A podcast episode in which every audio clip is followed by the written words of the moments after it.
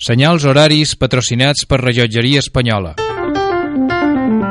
A Rellotgeria Espanyola, quarta generació de mestres rellotgers, som especialistes en venda, reparació i restauració de tot tipus de rellotges, amb més de 130 anys d'experiència.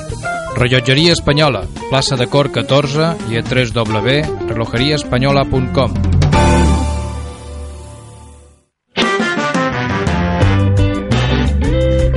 Escoltes Ona Mediterrània gràcies al suport de les persones associades. Ajuda'ns tu també. Associa't. Fes créixer Ona Mediterrània.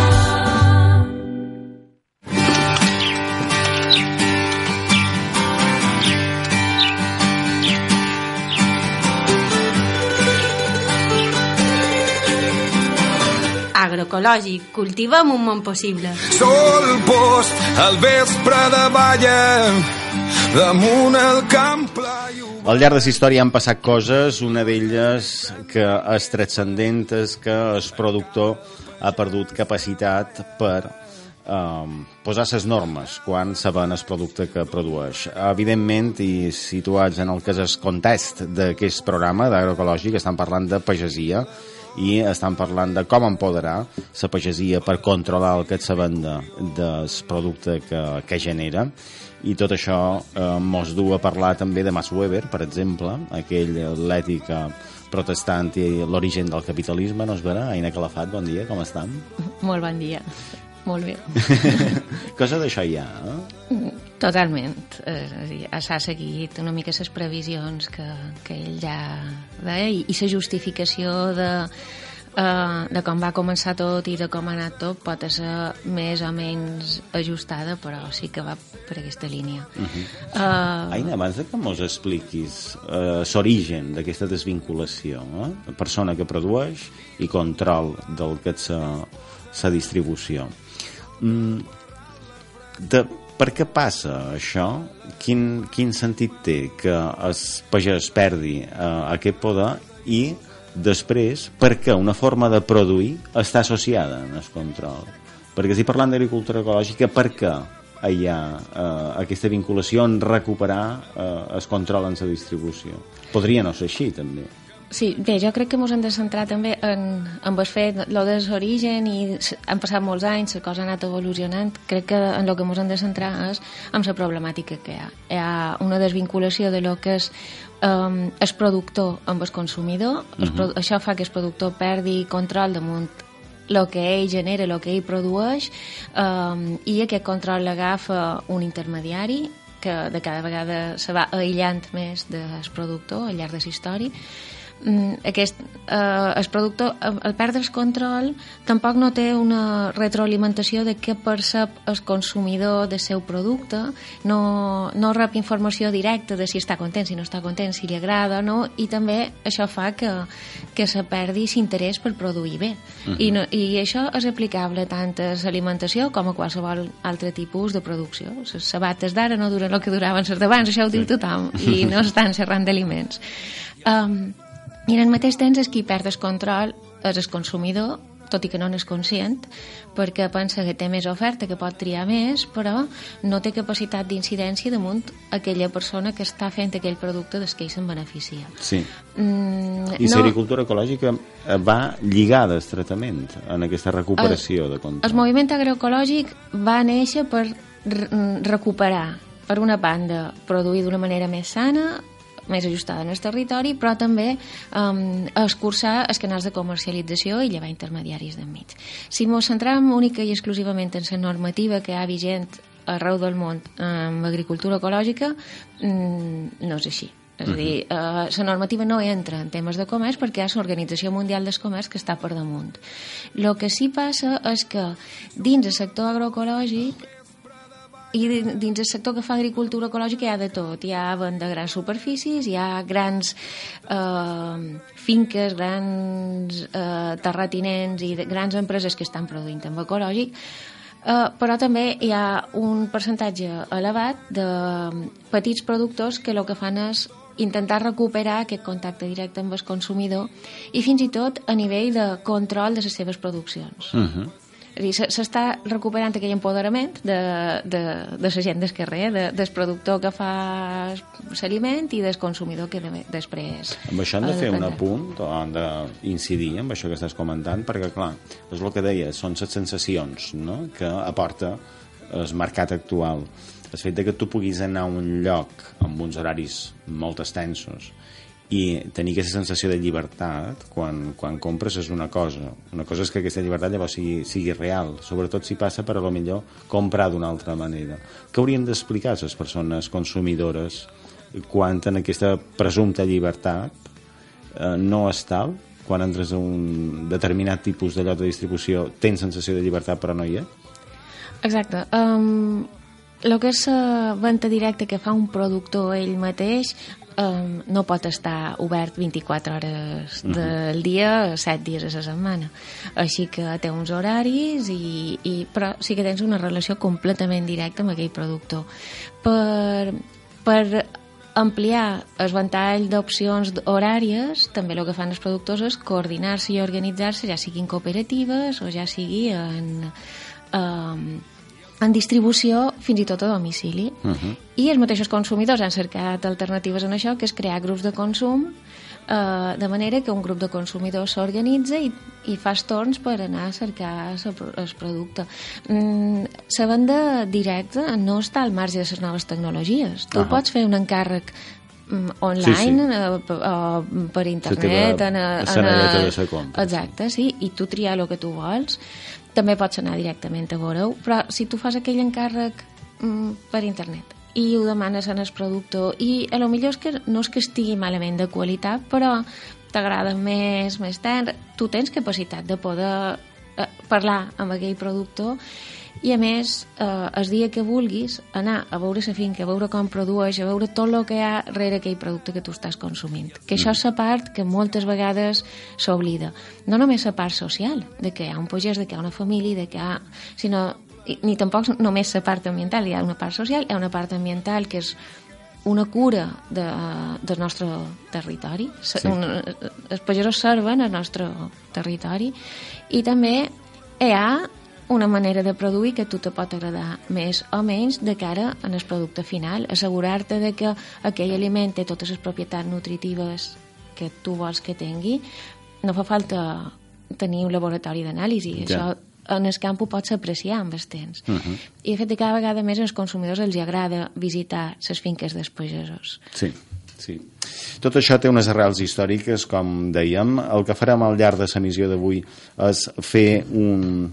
viatges telefònics a diversos indrets. Passarem per Eivissa, per exemple, coneixerem persones que produeixen diversos productes i precisament el que fan és implicar-se també en vies de distribució, no sé si dir alternatives originals, eh? Mm, alternatives a lo, lo que seria comú avui dia, sí, no? Bueno, són uh, més directes, perquè moltes eren les que hi havia històricament, d'altres s'han modificat per adaptar-se a les exigències del ritme de vida que duem avui en dia, i, i sí, no ens poden semblar originals des de... és que som un poc urbanites i que no... però els nostres padrins ho trobarien normal, és a dir, Sí. organitzar-se per vendre, per oferir una gamma més gran de productes s'ha fet se, se feia abans, fins i tot quan anaven a vendre en el mercat uh -huh. ja com que tots se coneixien i coneixien les finques del veïnat, ningú produïa eh, tot el mateix en el mateix temps perquè sabien que no ho podrien vendre Sí, sí, sí. I coneixien els consumidors i coneixien els seus companys i no els veien com a competència cosa que avui dia en el final el que fem és veure-ho tot com una competència i una guerra de colzades a veure qui arriba mi- més aviat I tal vegada qualcú s'ha espantat quan han començat parlant de protestantisme i ha dit, mira, aquest programa no era d'agricultura, no era de religió, no? Però és que hi ha coses que s'han d'explicar en aquest sentit. Si vols, a banda de citar Max Weber, explica-mos-ho tu. Què ha passat eh, a l'hora de concebre com ha de ser el mercat, com se reparteixen els guanys o qui se queda en la majoria de guanys. Eh, S'inici coincideix amb l'inici del protestantisme, però jo crec que aquesta part de l'anàlisi, a part, jo no som expert en això, tampoc voldria en, uh -huh. entrar-hi. El que sí que a partir de l'inici del protestantisme, segle XVI, eh, um, lo que eren els, els mercats que se feia en, a, ses, a, a l'entorn de, de l'església, que se feia, a més, eh, comencen, eh, comença a desvincular-se la producció del punt de, de venda. Um, se va deslocalitzant la producció. Primer mm, es qui ho ven... També, s'introdueix eh, un altre tipus de moneda de canvi i els diners comencen a, a agafar el protagonisme a tot el que és la comercialització uh -huh. dels productes. En el final, mm, tu compres un producte segons el valor, valor monetari que té moltes vegades. No, tu compres o perquè és més barat o perquè és més car i te penses que això significa que té més qualitat. Mm, no per el producte en si. Ja. No, eh, se perd deixa d'haver-hi trueque, uh -huh. el que era l'intercanvi d'abans desapareix per complet i el valor ho posa el mercat i no el posa ni el consumidor ni el productor. Uh -huh.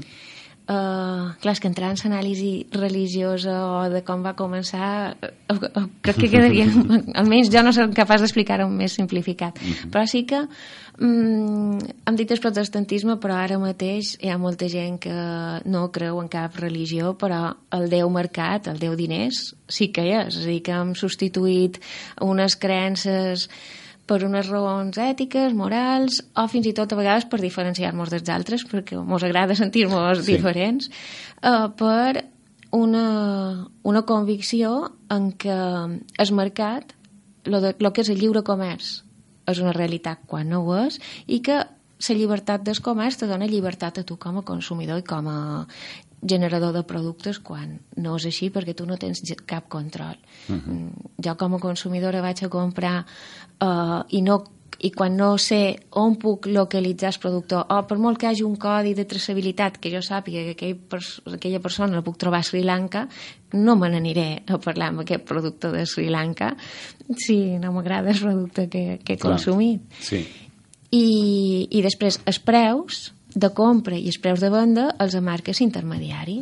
Un intermediari que ara mateix és un ent inconcret, és una corporació o és una empresa una societat que no te diuen quines són les persones físiques que hi ha darrere i tu pots enviar reclamacions, però no vull dir, no sé quantes vegades hem telefonat per reclamar per qualque producte i ens hem cansat d'insistir i molt bones paraules de persones que no tenen cap poder dins aquella empresa. Sí, sí, sí. sí. sí és, és un call center que t'atenen i...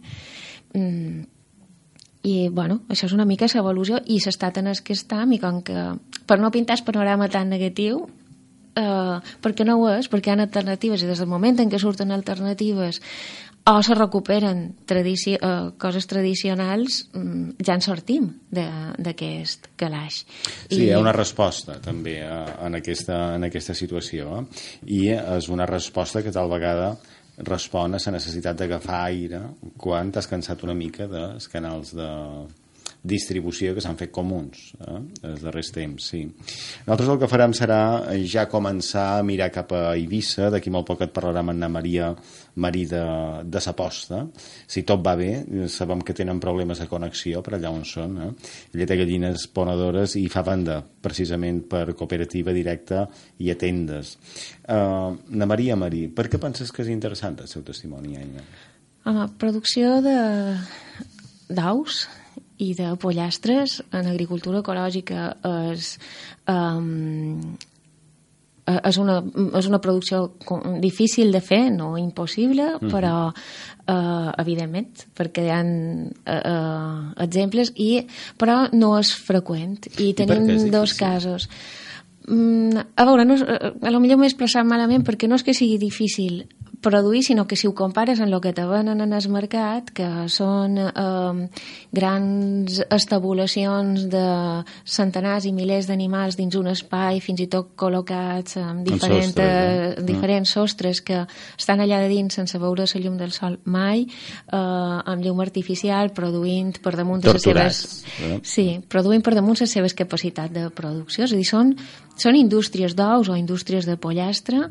Eh, és, un, és un maltractament animal. Es, poden complir normes mínimes de benestar, però és un maltractament animal. I després, l'aliment que donen eh, no té les qualitats i les propietats que té un animal que ha tingut una, una alimentació equilibrada, que ha pogut passejar-se i que s'ha oxigenat correctament. I aquí a Balears hi ha poques experiències, la d'Anna Maria Eivissa va ser la primera i jo crec que, que és digna de d'esmentar. I de farem això, d'aquí molt poquet la coneixereu. Ella és Na Maria Marí i és al capdavant d'aquest projecte, s'aposta. Naturalment, menjam.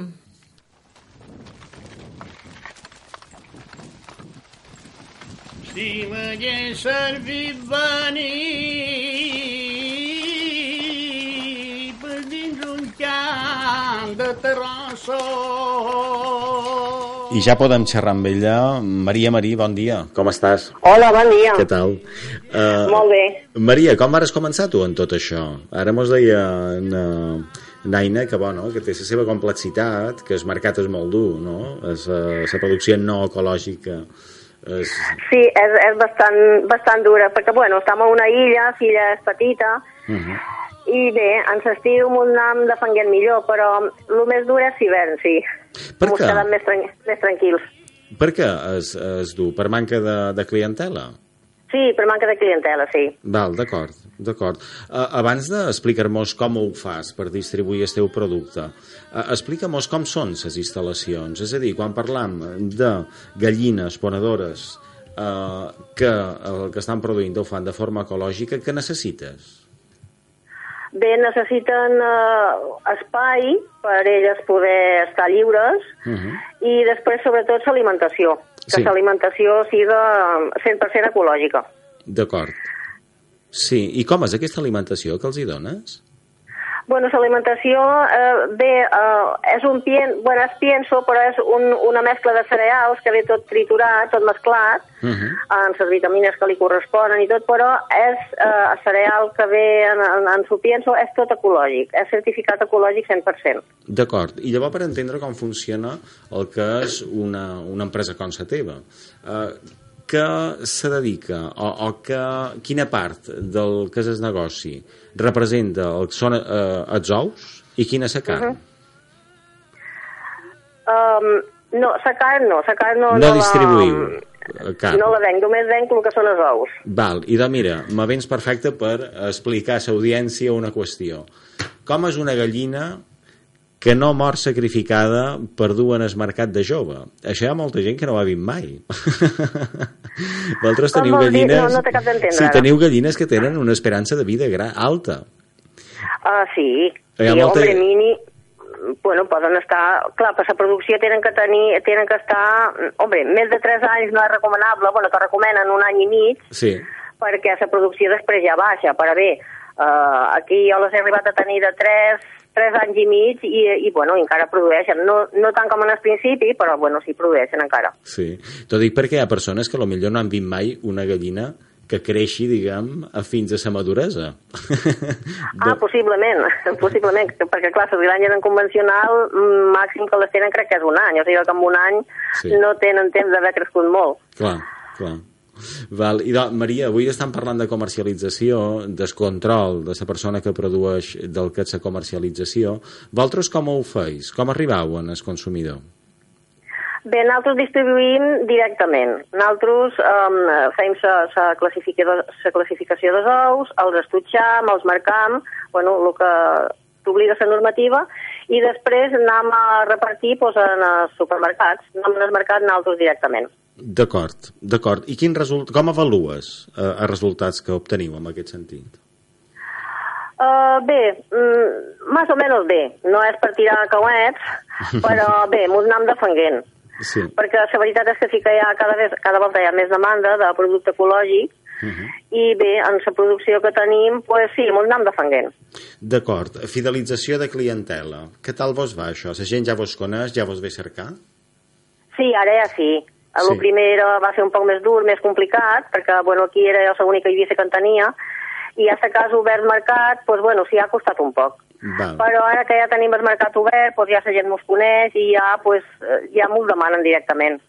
Si ara te vengués qualcú i te digués mira, jo seré el teu intermediari, què li diries? Uh, que no. Sincerament, perquè, eh, bueno, no, no dona per tenir un intermediari. Val, sí. Uh, si pots uh, tenir la producció que la pugues vendre directe, bé, ara sí hi ha d'haver un, intermedia un intermediari, has de tenir molta més producció de la que tenim nosaltres, i sí que podries, bueno, podries treballar amb uns altres preus, però ara, mentrestant, en la producció que tenim no puc tenir un intermediari. Sí. Naina Calafat també mos comentava que si el que fais és distribuir d'aquesta manera, també s'estableix una relació amb la persona que consumeix. Te pot dir, També, mira... exacte, sí. Si Com- tens un, un tracte més personal, més directe, tothom te coneix, Uh -huh. eh, perquè si ho fas a través d'una distribuïdora, pues, bueno, la gent no te coneix. Coneixen els ous, però no te coneixen a tu personalment. I, a més, aquí a Filla tan petita és molt interessant això de que te coneguen personalment. Clar, i també és important no quedar malament, eh? Exacte, sobretot això, sobretot això. és- L'important és tenir-los, eh, si pot ser, contents. I què Bueno, diu? crec que els hi tenim, de fet, però Sí. no he tingut cap queixa, vol dir que això... Supos que deuen estar contents, vaja. I coses bones te'n diuen? Uh, sí, que són els millors que han provat, que continuïn endavant i que no ho deixi... Sí, la veritat és que te- tenim a bastanta gent també a continuar. Val, i això vol dir que hi ha una clientela fidelitzada i nosaltres, Maria, hem de fer una cosa eh, hem de passar a parlar amb una altra persona precisament que, que és a Eivissa és n'Alicia Morales però moltes gràcies per aquesta estona i que continuï així de bé i millor, si pot ser. Molt bé, gràcies a vosaltres, esperem que sí, que no decaiga la cosa. Fins aviat, que Molt vagi bé, bé. Maria. Adéu.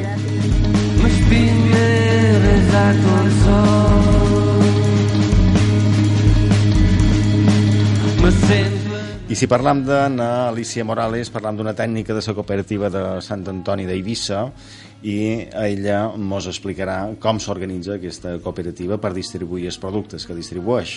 Alicia, bon dia, com estàs? Què tal? Bon dia i salut. Salut. Uh, Alicia, sabem que te queda poca bateria, però ho solucionarem. Sí.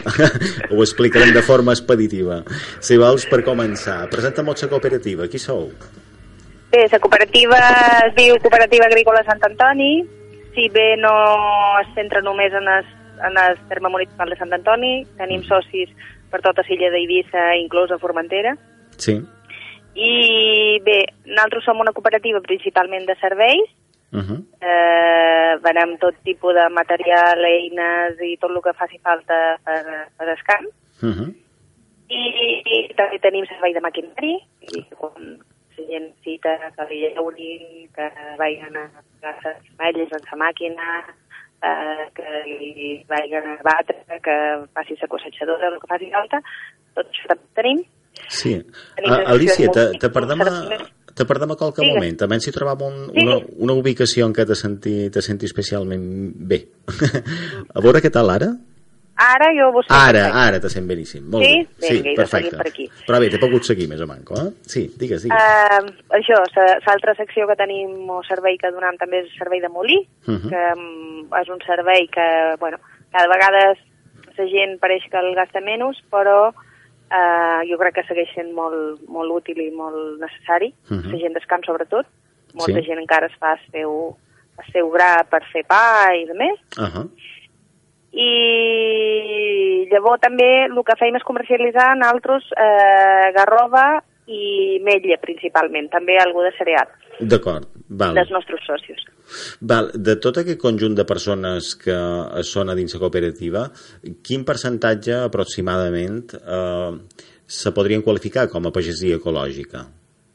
pues ecològics, no, com que quan es donen d'alta, no, de moment no els estem demanant la Mhm. distinció, si ho són o no, eh, el que és el número de socis no t'ha sé dir. Uh -huh. Eh, en quant al volum d'ametlla o de garrova, tenim un volum petit, però perquè a la gent li està costant es dar-se, no perquè la, Sí. la producció no pogués fer-ho, perquè realment la majoria ho és, Uh -huh. però a la gent li costa donar aquest pas i dar-se d'alta com a ecològic. Però sí que tenim, tenim producció, comercialitzam eh, producció ecològica de garrova i d'ametlla, i llavors el que tenim molt és de la secció de serveis, sobretot la venda de fitosanitaris i de més, tenim una secció ecològica i sí que tenim molts de clients en aquesta secció ecològica pues, que venen a comprar productes ecològics per, per cuidar pues, les seues finques i, Clar. i bueno, els, els petits hortets que tenen. Sí, això ja mos dona una idea. Eh? Precisament Sí. aquest aspecte ja te permet ponderar una mica que hi ha un volum important. Sí, sí, jo, que- bueno, la secció de, de fitosanitaris deu ser més de lo que és ecològic, deu ser de rondar doncs, més o menys un 10%, o, no, un 20% de lo que és, uh. -huh. és convencional, vull dir que hem anat augmentant Sí. en, en, en volum i jo crec que a poc a poc anirem augmentant més perquè també eh, la gent va agafant més consciència i ja no rebutja tant el producte ecològic. Abans, quan en seguida que venia algú i li explicava no, aquí teniu un producte i a part és ecològic. Ja. Eh, era com, ui, no, aquest no me'l dongues, que això no fa res. No? Però ara no, ara ja van coneguent, van veient, van, van pues això, Sí. afinant que són productes que són molt més respectuosos, que no només pel medi ambient, sinó també per ells, Uh -huh. I bueno, jo crec que sí que a poquet a poquet anem augmentant en, en aquest volum de, de transaccions i també en el que comercialitzam a poc a poc. El que que sí que es ve que costa més perquè a part no és un cultiu tan fort econòmicament com seria sorta, el que és el cere el cereal o, o uh Mhm. -huh. ametlla o la garrova, i els hi costa més donar aquesta passa de fer-se de fer-se ecològics. D'acord. Alicia, el lema de, del programa d'avui és eh, Mm. aquesta problemàtica derivada de la desvinculació de productor i eh, control de la comercialització de, de la clientela. No? Vosaltres com defensau el que seria el control de la pagesia sobre allò que, que se ven i, com explicava també Naina, el que és el control del consumidor o la consumidora sobre allò que consumeix, és a dir, poder triar, saber d'on ve, etc etc. Claro. Mm. Nosaltres sempre, bueno, lo- eh, ha agradat sempre molt la idea de diferenciar el producte com a local, Uh -huh. que la gent conegués bé el que era el producte local, ja si podem parlar de varietats eh, pues, autòctones i de més millor que millor, però si no, per almenys la diferenciació de, del producte local davant de producte pues, que ve de, de, de fora, Uh -huh. això és indispensable, i en els pagesos que, que pues, més volum mouen o, o, o més contacte hi tenim, sí que sempre, bueno, se'ls ha animat o reforçat amb aquesta idea de que ells un poc controlin o, o facin ventes eh, directes o posin punts de venda perquè és on realment Val, poden treure un poc eh? els profits, perquè Sí. sí. realment si, si depenen de cadena comercialitzadora eh, ho tenen difícil. I posen punts de venda? Uh, la veritat és que sí, n'hi ha hagut, n'hi ha hagut diversos que s'han animat i els hi estan anant bé, els hi estan anant molt bé perquè eh, clar, te, quan tu tens un punt de venda també eh, és més capaç de, de, local Ja. perquè tens aquest contacte directe, el pots defendre, el pots, pots posar-li més, donar-li més explicació al consumidor, i entonces Mhm. és capaç també de donar-li més o, o, o explicar-li més sobre preu que tenga i, i estan funcionant, estan funcionant bé. I eh, estan parlant, per tant, de, de botiga o de parada a un mercat, per exemple? Uh, pues hi ha tot, hi ha gent que té parades, tant en mercats pagesos com a mercat mercat normal, Mhm. i hi ha alguns pagesos que també han posat eh, petites botigues o parades en, en sa carretera, que aquí encara se deixen en unes condicions especials se deixen posar, Uh -huh. i la veritat és que està, està funcionant. Val, I això a nivell administratiu què suposa per als productors o productores? És un problema? Te deixen obrir... No, no? és una miqueta més de paper, Val. perquè també ha que controlar tot el producte amb la traçabilitat, i bueno, és un, una miqueta més de papers, però jo crec que, que els, hi compensa, els hi compensa molt, Ja. perquè, perquè és això, es poder arribar directament en el consumidor mm, ja no només per sobrepreu que t'evites, o el sobrepreu que treus, que t'evites ell la cadena comercialitzadora, en la qual el preu ja, ja li pots donar un preu més ajustat directament al consumidor, sinó també per aquest contacte. Te, Ja. te fidelitzes més la clientela Clar, perquè te coneix, li pots explicar, eh, li dius el que és de temporada, el que no, el que ha sortit, ha sortit millor, pitjor, i això també eh, la gent ho agraeix molt.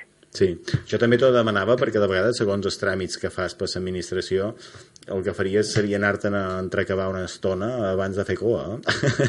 perquè de vegades és molt complicat de vegades, però veig que no tant, eh? Veig que no tant. Vosaltres com a cooperativa podeu intercedir per facilitar aquests tràmits? Uh, bueno, jo personalment estic de tècnic de la cooperativa i el que és assessorament s'ofereix a tots els socios. Vull dir, uh -huh. tot el que sigui assessorament de subvencions, ajudes, de tràmits, sempre que jo els tenga clars, vull dir, no tinc cap problema amb assessorar amb qualsevol dels socios que venga. Sí. Uh, es fer-li tràmit, vull dir, es tramitar-ho en altres, no ho feim directament, però sí que tenim altres empreses, o sigui, convenis de col·laboració, amb el, per exemple, amb enginyers, si tindria que fer-se un, un projecte o qualsevol cosa, que el que fan és un preu especial, diguéssim, en els socios de la cooperativa, uh -huh. eh, quan tenen que fer aquest tipus de tràmits o, o projectes o visats o certificats amb, per l'administració. D'acord. D'aquesta conversa, en Alicia Morales, en traiem una conclusió, i és que eh, pagesia que encara no tingui punt de distribució, això sí, estàvem parlant de gent que feia una producció notable, no és vera, Alicia? Que s'ho pensi, sí. no? Que s'ho pensi perquè sembla que, que surt a compte, no? Sí, jo, mm, jo crec que sí, jo crec que els hi surt a compte per, per això, uh -huh. perquè ja no és només el que un s'evita de barallar, de motets que pagar així o això, sinó perquè la llavor és arribant a, en el consumidor és molt agraït. Clar. Sí, fidelitzar, sí. fidelitzar gent és fàcil perquè la gent bé li agrada aquest contacte amb el pagès i, i entonces pues, és, sí, sí. és un mercat per tots anys, és un mercat pues, molt més agraït. Clar. A part de millor pagat. Sí. I de Alicia, moltes gràcies per aquesta estona. Estem en contacte. Després passarem a parlar amb altres persones que ens contaran la seva experiència. Una abraçada, que vagi molt bé. Vinga, gràcies, bon Fins dia. Fins aviat. Adéu. I saps què pensava des de que han començat aquesta missió? Aina Calafat, que vos record, Aina Calafat, biòleg especialista en agricultura ecològica, persona que fonamenta els continguts d'aquestes emissions. Pensava en una conversa, i me'n vaig en el sector primari, però tirant cap a la mà, que vaig tenir amb un senyor que, t'estic parlant de l'any 2005 aproximadament, ja tenia 93 anys, i m'explicava des de Fornells que els pescadors havien passat molta gana i la cosa havia començat a millorar el dia que ells van agafar els carros carregats de peix i havien anat a vendre ells mateixos el, el gènere perquè, me deia, varen poder defensar el preu.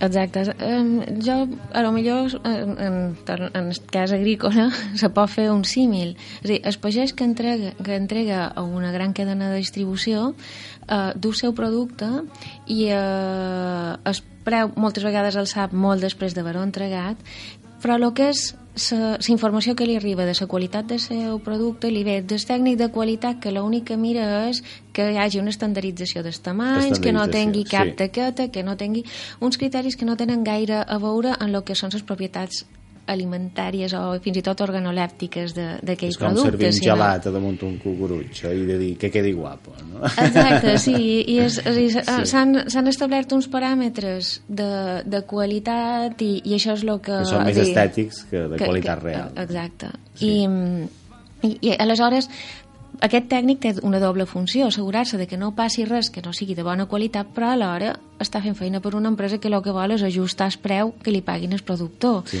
I sempre trobarà més pegues de ses qui troba. Clar. Aleshores, això, com a reconeixement de la feina, ja va dir Alicia i també va dir de Maria, uh, com a reconeixement del mèrit que és l'esforç que ha fet el pagès és nefast. Al final diu, bé, jo aniré a produir, tant mateix ho faci com ho faci, m'acaben pagant el mateix i, i va en detriment de la qualitat del producte. Sí. En canvi, l'altre, que fa venda directa, també té aqu aquests ànims que ha dit de Maria de quan li arribava la informació que, que fa que produeixi millor. I després na Maria ha dit que per volum de produccions que fan ells i eh, per preu en els qui volen vendre el producte en el consumidor no hi cap una distribució que afegeixi un guany Clar. enmig. És a dir, si qualcú fa la feina a distribuir ha de cobrar mm, per la feina que fa, de cobrar per emmagatzemar aquest producte i anem sí. sumant. I del feim una cosa, ara farem una pausa i després parlarem amb una persona de la qual ja en tenim qualque referència. Tal vegada recordareu que vàrem entrevistar en Xisco Llompart la setmana passada, vàrem parlar de producció de me ecològic, ell eh, mos explicava la seva experiència a la finca Espurgatori de Llumajor i mos xerrava d'un senyor que nom en Juan Miguel Sánchez eh? I mos va dir que era un crack, que eres mànager, eh? és comercial de la distribució d'aquest me ecològic. El coneixerem. Uh, persona que segurament se disputarien les multinacionals perquè els vengués el producte, però no, ha tirat cap a això, cap al me ecològic. Bé està. Fem una pausa i el coneixem. Estau escoltant Ona Mediterrani, el 98.0 de la FM. Eh, xt, xt, què tal? Res, aquí escoltant Sol i Sal. Torna a l'estiu. Tornen el Guiris, torna Enrique Iglesias i acabant de saber que han tornat els vots perduts del PP. Però des d'Ona Mediterrània tenim una solució perquè a partir de dia 1 de juliol torna Sol i Sal. Dilluns i divendres, a les 8 de l'hora baixa, tens un nou pla. Gaudeix de Sol i Sal. Durant 20 segons, aquest altaveu farà servir l'energia suficient perquè el Carles animi l'equip mentre surt al camp. Per això a Endesa ens volem unir a tots els partits que es juguen ara amb el mateix objectiu, emocionar. Perquè quan obres la teva energia, la vida es transforma. Endesa. Santi, m'encanta l'equip de Home Cinema que tens a casa teva. Sí, els tècnics de Nexus s'han encarregat de tot. Són especialistes en assessorament i equipament estèreo, home cinema i projectors. També ofereixen serveis a negocis, empreses i hotels. Tenen una showroom fantàstica per fer audicions. Fantàstic. On puc trobar Nexus? Si ets amant de la bona música i el millor cinema, vine a conèixer Nexus. Carrer Aragó 24 de Palma, telèfon 971 91 45 70 i a la web nexuspalma.com. EcoStore. Necessites consumibles, cartutxos i toners per impressora i que siguin de la millor qualitat? Cerques els millors preus i entrega gratuïta? Ho tens fàcil. EcoStore Avinguda Comte Sallent 29 i també al carrer Aragó 6 de Palma. Telèfon 971 72 82 76. La teva tenda taronja, cartutxos i toners. EcoStore. Lliurament gratuït a domicili. T'interessa fer pilates, dansa, expressió corporal, experimentar amb cos art o dansa teatre? O has tingut un infant i t'agradaria seguir fent exercici? T'oferim una manera creativa de fer-ho. Dansa bebè, classes de dansa per a mares, pares i nadons, ambient familiar, bona música, ritme, moviment i més a Dansa bebè.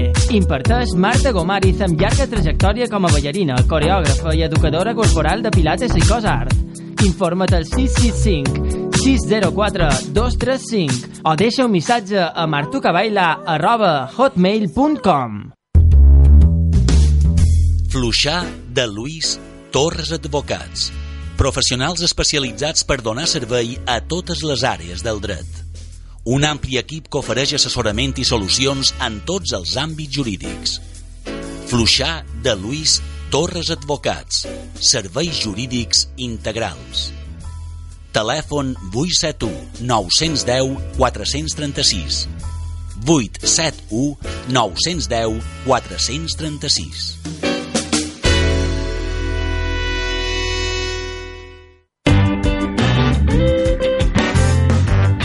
Trobaràs tots els nostres àudios i programes ja emesos a www.ivox.com també disponible per a dispositius mòbils.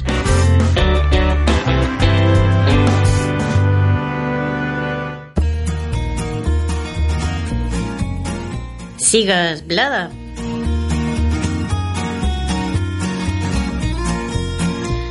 Sí, en Juanmi Sánchez, carnisser, comercial, mànager del projecte Me Ecològic, així mos el varen presentar, un crac, eh? un crac que és hora de distribuir aquest producte fet en el purgatori, la finca es purgatori, en Xisco Llompart mos va parlar de ramaderia ecològica la setmana passada. Juanmi, com és això que ets un crac? Buen, buenos, buenos días, buenos días. Eh, muchas gracias por, por el piropo. Eh, hago, hago todo lo que puedo y un poco más. I com ho fas, Juanmi? Primer de tot, quan quan entres en contacte amb aquest tipus de producte, amb aquest me ecològic, i a partir d'aquí esteu capet, que maquina per vendre-lo bé? Uh, al principio del proyecto, bueno, surgió por, por uno de los ganaderos. Mi relación con, con yo, soy, yo soy miembro de la junta de, de, de APAEMA Ujú. y conozco a Jaume Llama, que es nuestro presidente ahora, y a Pe- Pere Mayol, Sí. es productor de, de, de vaca mallorquina, de Ujú. carne de vaca mallorquina.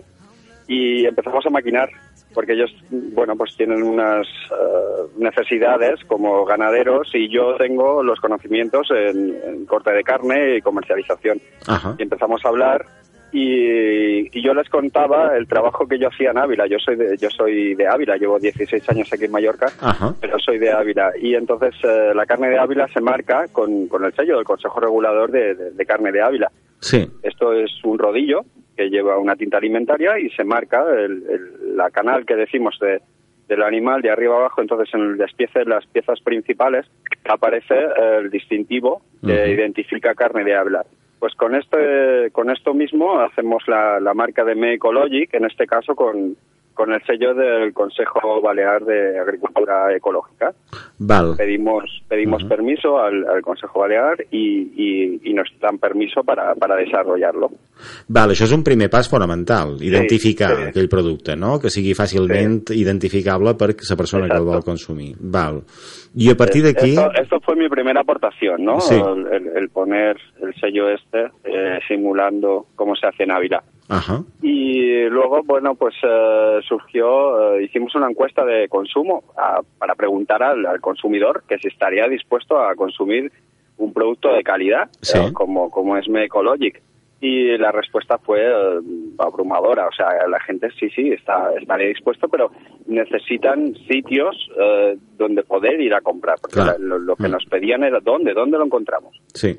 Y bueno, a raíz de esto, eh, de esta encuesta y demás, eh, empezamos a, a- a comercializarlo, a ofrecerlo a carniceros, supermercados, eh, una venta directa al público en su casa, eh, tiendas que, que son fruterías, que no tienen carnicería y hacemos un- una, un- una venta por encargo. Me llaman, eh, oye, eh, necesito medio cordero, partido de tal manera y tal. Igual, igual que en una carnicería, pues así se lo servimos para que ellos, bueno, hagan intermediarios y su cliente pues quede satisfecho. Juanmi, ¿cuántos homólogos tuyos eh, eh, són necessaris perquè això funcioni millor? Me refereix, Ah. tu aquí veus el potencial d'un producte i en un moment donat apliques unes eines que són comuns a la distribució més o menys eh, pautada a través d'estratègies de venda, no? Clar, tu Sí. aquí degueres trobar un producte excepcional o molt bo Sí, sí. i però que no era objecte d'aquest tractament comercial, no? Uh, clar, Mm. si tu ara te mires el conjunt de la producció ecològica de Silla, què podria passar amb ella si tota se, se distribuís a partir dels mateixos criteris de comercialització? Molt? Tenemos, podemos, pod- eh, o sea, tenemos capacidad para, para crecer y yo lo que me gustaría incorporar diferentes tipos de carne, que es lo que nos falta en Ajá. Mallorca. Sí. O sea, tenemos productores, tenemos productores, pero eh, tenemos que ver que, que el mercado que, que nos pide, que Sí. nos pide. Entonces hay que adaptar, adaptar el- el- la producción primaria, o sea, el ganadero, lo que esté haciendo con un planning en función de, de lo que el consumidor quiere. Demanda, hay mucha demanda. Esto, estamos hablando de pollo, estamos hablando de ternera, de cerdo, o sea, eh, pavo, pavo, Sí. el, el pavo mallorquín que, que, que todo el mundo eh, ha consumido en, en, en Navidades y- demás. eh? Sí, Eh, sí. Esto, esto es, es un potencial que, que, que, bueno, que vamos a desarrollar. Es- Estoy completamente seguro de que, que, que va para adelante y que, y que seguirán sumando más productores. ¿no? Yo, yo represento a 30 ganaderos de producción de ovino en, en, en Mallorca, pero, pero hay, hay más más tipos de, de productores que se sumarán y, y más tipo de, de, de cliente que consumen una carne determinada. Clar, i això eh, passa per una bona sintonia entre el pagès i la persona que fa la feina que tu fas. Així per fer-nos Sí. una idea, a través d'un exemple particular que si vols podríem extrapolar a altres casos. Eh? Arriba en Xisco Llompart, eh? de la finca. Eh? Ben insolat, sí. aquell home, amb aquell color així com a negre, no? Sí, sí, sí. amb les sabates veure, brutes, no?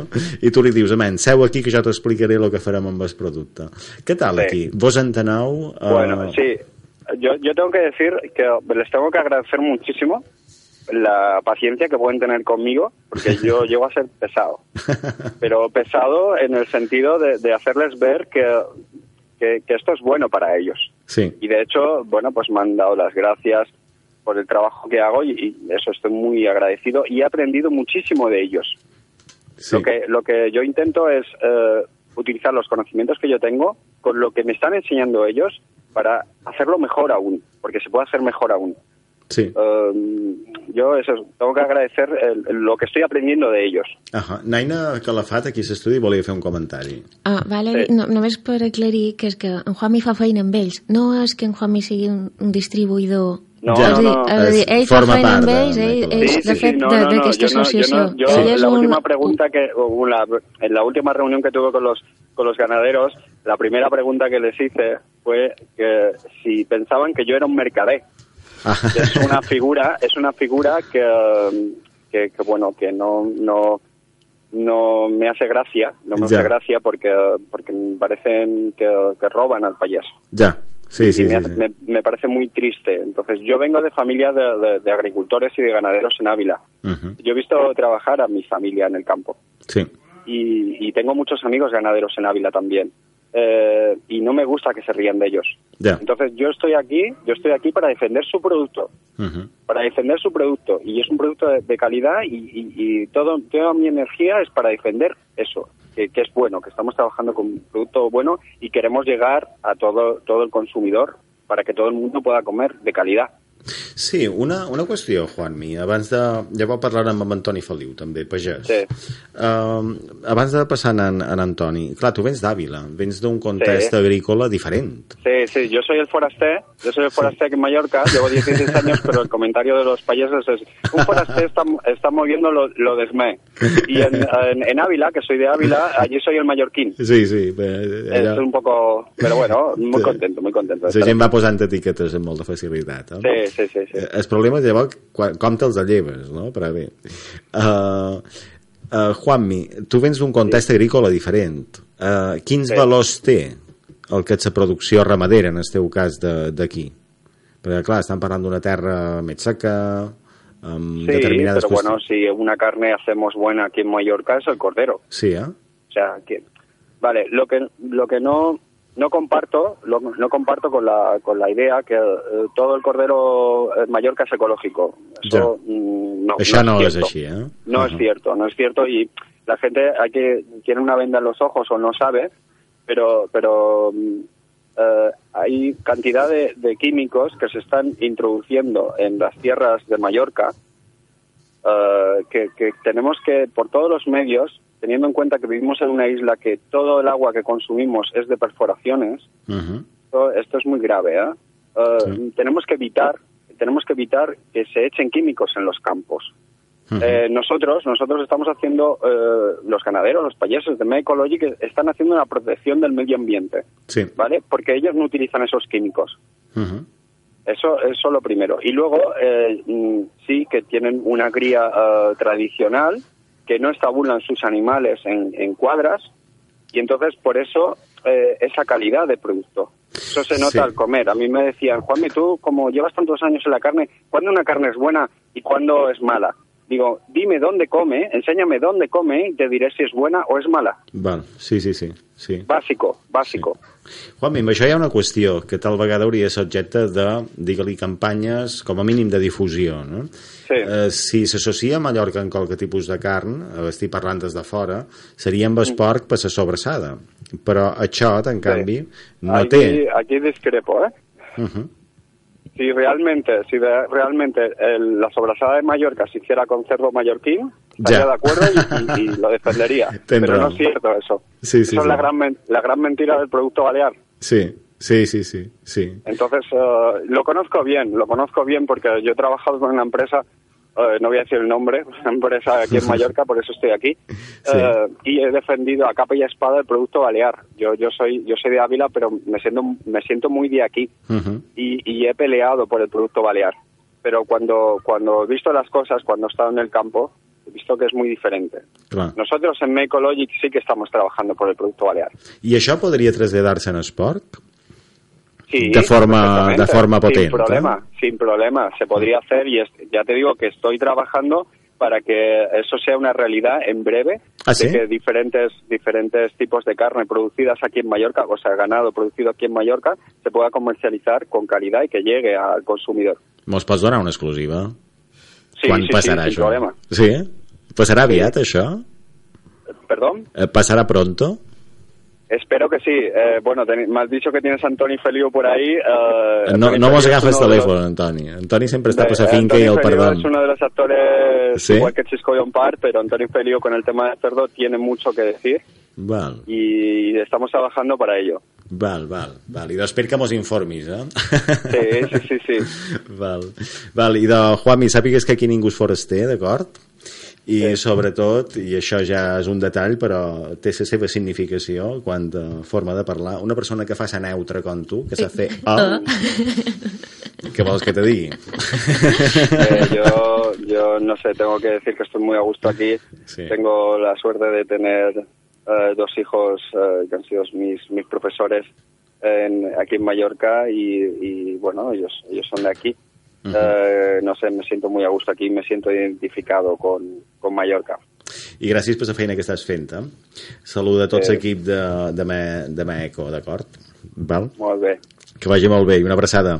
Gràcies, igualment. Adéu, Luismi. Juanmi.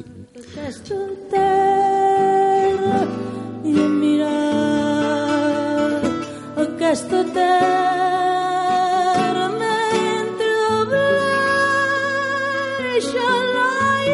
Ja ho veus, han passat per Eivissa, han parlat de gallines ponedores, han parlat d'una cooperativa, de la cooperativa de Sant Antoni d'Eivissa, i en Juanmi mos ha explicat aquesta feina que està fent des de dins Me Ecològic.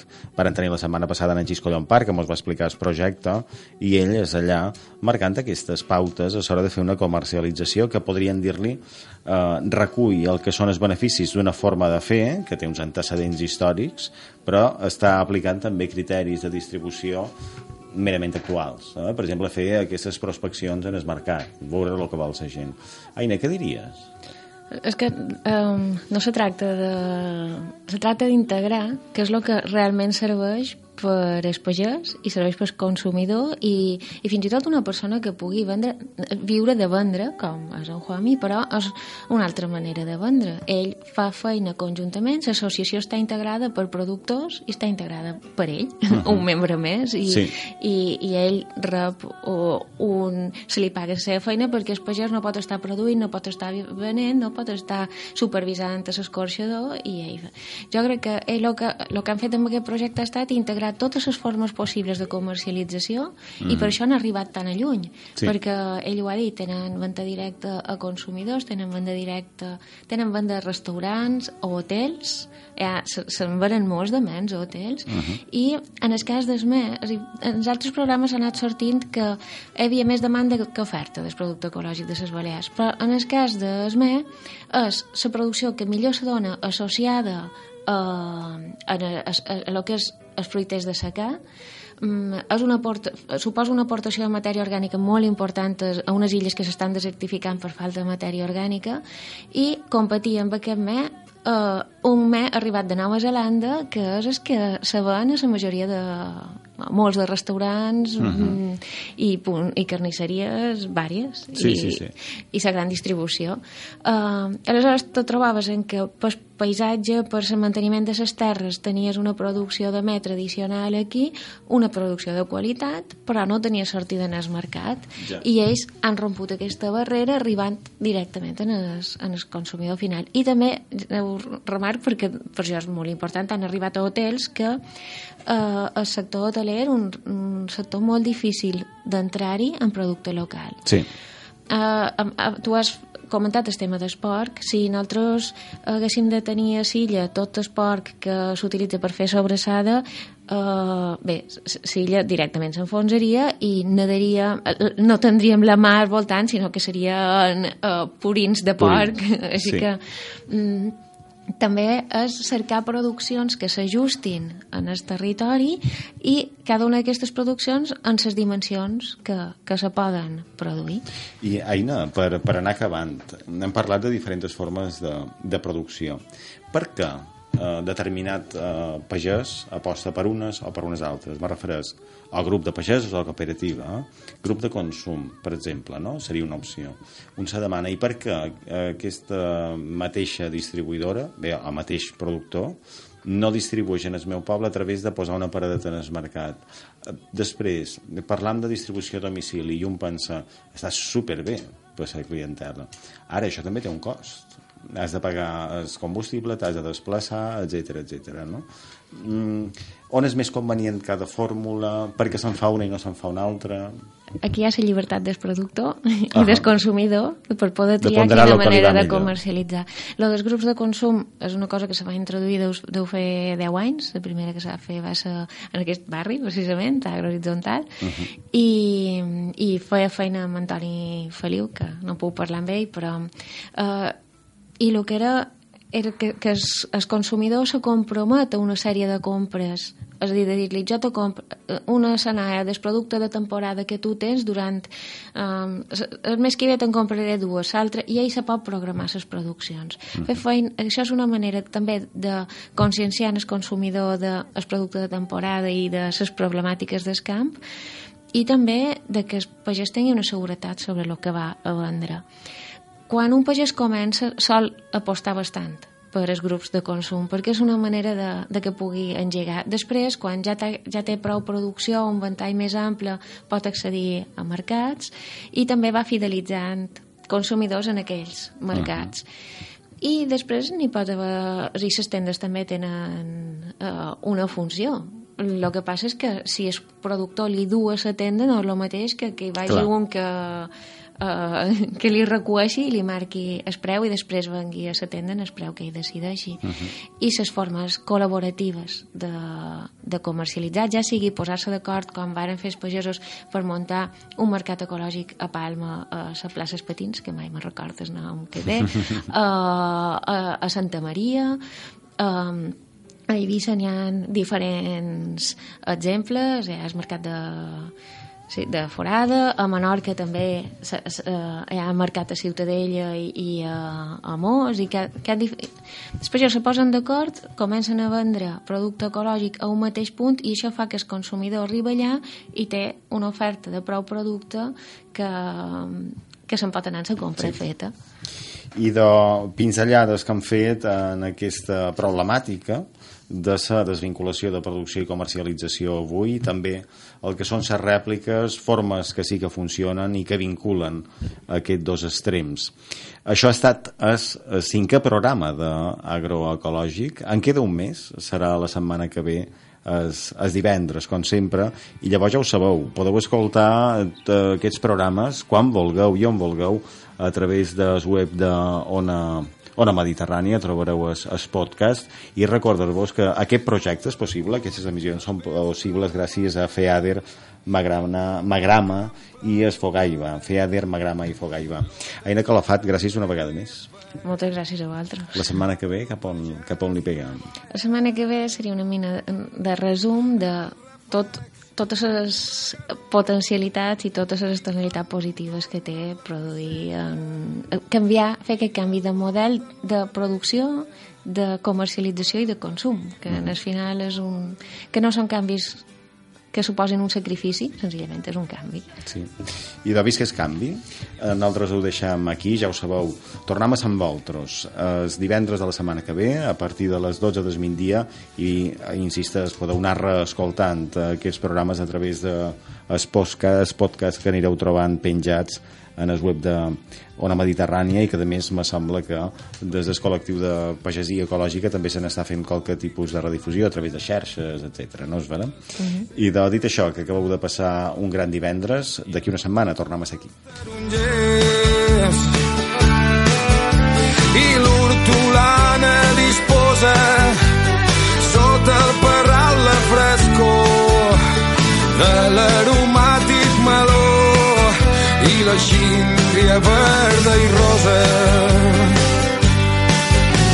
La sínia es queixa cansada i el safareig cau al broll amb un alegre soroll que en plena l'hora callada la sínia es queixa cansada i el safareig